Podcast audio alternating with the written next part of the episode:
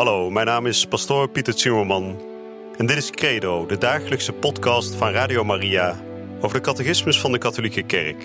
Samen dringen we elke dag een beetje dieper door in het prachtige plan van liefde dat God met elk van ons heeft.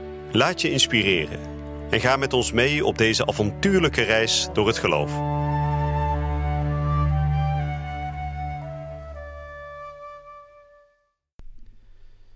Vrienden, van harte welkom terug bij deze nieuwe uitzending van de podcast Credo.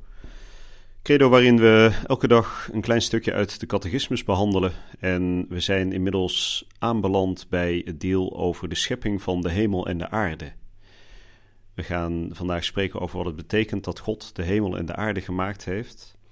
En we gaan ook spreken over de schepping van de engelen. U weet waarschijnlijk, wij geloven als kerk dat er daadwerkelijk engelen bestaan en dat die engelen al voor de mensen werden geschapen. En daarom zullen we aan het begin van deze nieuwe uitzending in verbondenheid met al die engelen ons hart openen voor de Heer en eerst tot Hem bidden. In de naam van de Vader en de Zoon en de Heilige Geest. Amen. Vader in de hemel, u schiep hemel en aarde. Op de aarde plaatst u de mens om de aarde te beheren. En in de hemel heeft u het laten wemelen van de goede engelen. We willen bidden dat de engelen ons bijstaan in ons geloofsleven, dat ze ons leren wat het betekent om uw wil te doen. We willen bidden dat onze persoonlijke engelbewaarders dicht bij ons blijven en ons steeds op de goede weg leiden. Dat vragen we u door Christus onze Heer. Amen. En ik lees vandaag voor de nummers 325 tot en met 331. Paragraaf 5. De hemel en de aarde. De apostolische geloofsbeleidenis beleidt dat God schepper is van hemel en aarde. En de geloofsbeleidenis van Nicea-Constantinopel zegt nog uitdrukkelijker van al wat zichtbaar en onzichtbaar is. In de Heilige Schrift betekent de uitdrukking hemel en aarde al wat bestaat, heel de schepping. Zij geeft ook de samenhang binnen de schepping aan, die hemel en aarde tegelijkertijd verenigt en scheidt. De aarde is de wereld van de mensen. De hemel of de hemelen kan het uitspansel betekenen, maar ook de plaats eigen aan God. Onze Vader is in de hemel. En dus ook de hemel die de eschatologische heerlijkheid is. Ten slotte is het woord hemel een uitdrukking voor de plaats van de geestelijke schepselen, de engelen die God omgeven. De geloofsbeleidenis van het vierde concilie van Lateranen stelt dat God tegelijkertijd vanaf het begin van de tijd uit het niet beide scheppingen, de geestelijke en de lichamelijke, dat wil zeggen de engelen en de wereld, geschapen heeft en daarna het menselijk schepsel, dat beide in zich verenigt, samengesteld als het is uit geest en lichaam. De engelen. Het bestaan van de engelen een geloofswaarheid. Het bestaan van geestelijke, niet-lichamelijke wezens, die de schrift gewoonlijk engelen noemt, is een geloofswaarheid. Het getuigenis van de schrift is even duidelijk als de eenstemmigheid in de overlevering dit is. Wie zijn zij? De heilige Augustinus zegt over hen: Engel geeft de functie aan, niet de natuur. Vraagt gij naar de naam van deze natuur? Dat is geest. Vraagt gij naar de functie? Dat is engel. Naar wat hij is, is het een geest. Naar wat hij doet, is het een engel.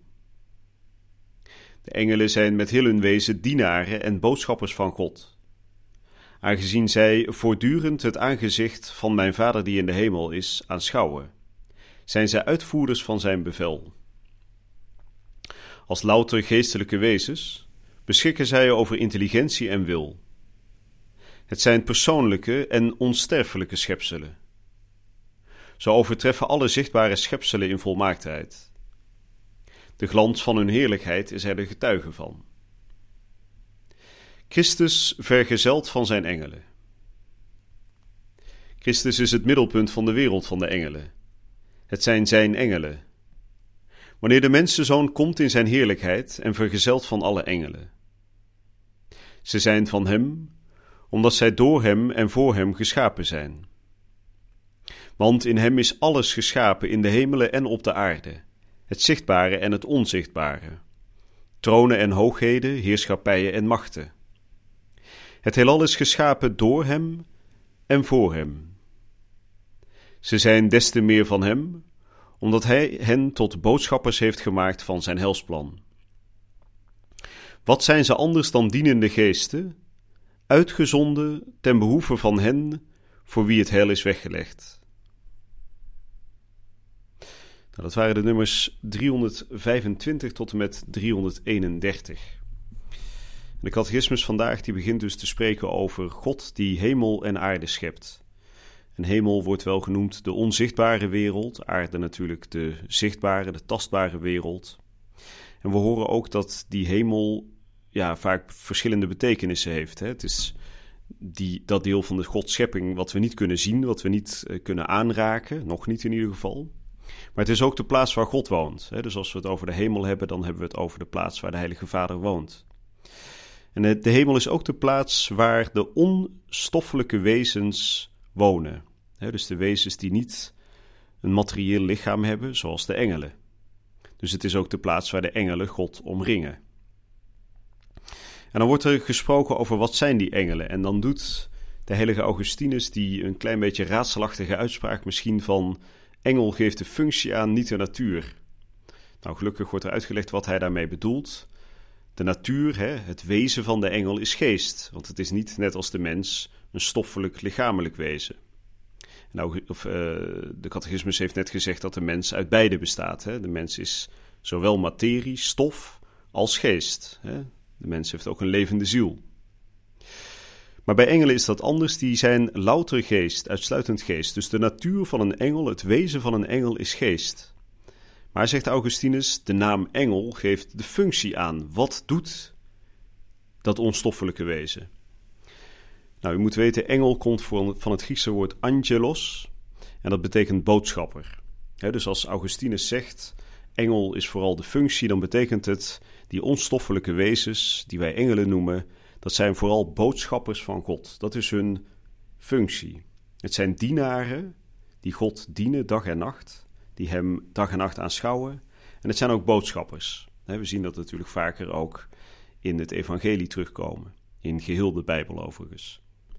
Bijvoorbeeld het bekende verhaal van de heilige aartsengel Gabriel die aan Maria verschijnt.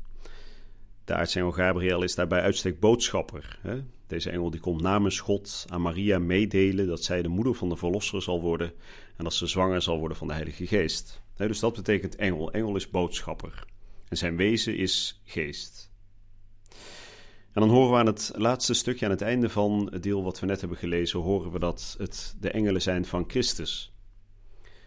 Alles wat er bestaat, de hemel en de aarde en al wat daarin is en op is, is allemaal door God en voor God geschapen. En ook door Christus en voor Christus. Want we hebben natuurlijk gezien dat Christus één in wezen is met zijn Vader. Hij is net, zo, net zozeer God, hè, deel van de drie-eenheid. Dus alle engelen zijn ook door en voor Christus geschapen. En dan wordt de brief van Paulus aan de christenen van Colosse geciteerd in de catechismus, waar staat: Want in hem, en in hem is dus in Christus, in hem is alles geschapen, in de hemel en op de aarde, het zichtbare en het onzichtbare, tronen en hoogheden, heerschappijen en machten. Het heelal is geschapen door hem en voor hem. Dus dat betekent dat ook die onzichtbare wezens, de engelen, die doorgaans onzichtbaar zijn natuurlijk, dat ook die door Christus zijn geschapen en ook voor Christus zijn geschapen, om Hem als God te dienen. Dus het zijn Zijn engelen, het zijn Zijn boodschappers die Zijn helsplan meedelen. Nou, we zullen het in de volgende uitzending er nog meer over gaan hebben. Wie zijn die engelen nou precies? Wat is hun plaats in dat helsplan van God? Hoe kunnen ze ons helpen? Belangrijke vragen en we gaan er morgen of bij de volgende uitzending uitgebreid op door. We zullen gaan kijken waar we verwijzingen vinden naar de engelen in de Heilige Schrift. En we zullen ook de vraag gaan beantwoorden welke plaats de engelen hebben in het leven van de kerk. Dus belangrijke vragen, interessante vragen. En ik hoop u dan ook weer te ontmoeten hier bij Radio Maria bij de volgende uitzending van Credo.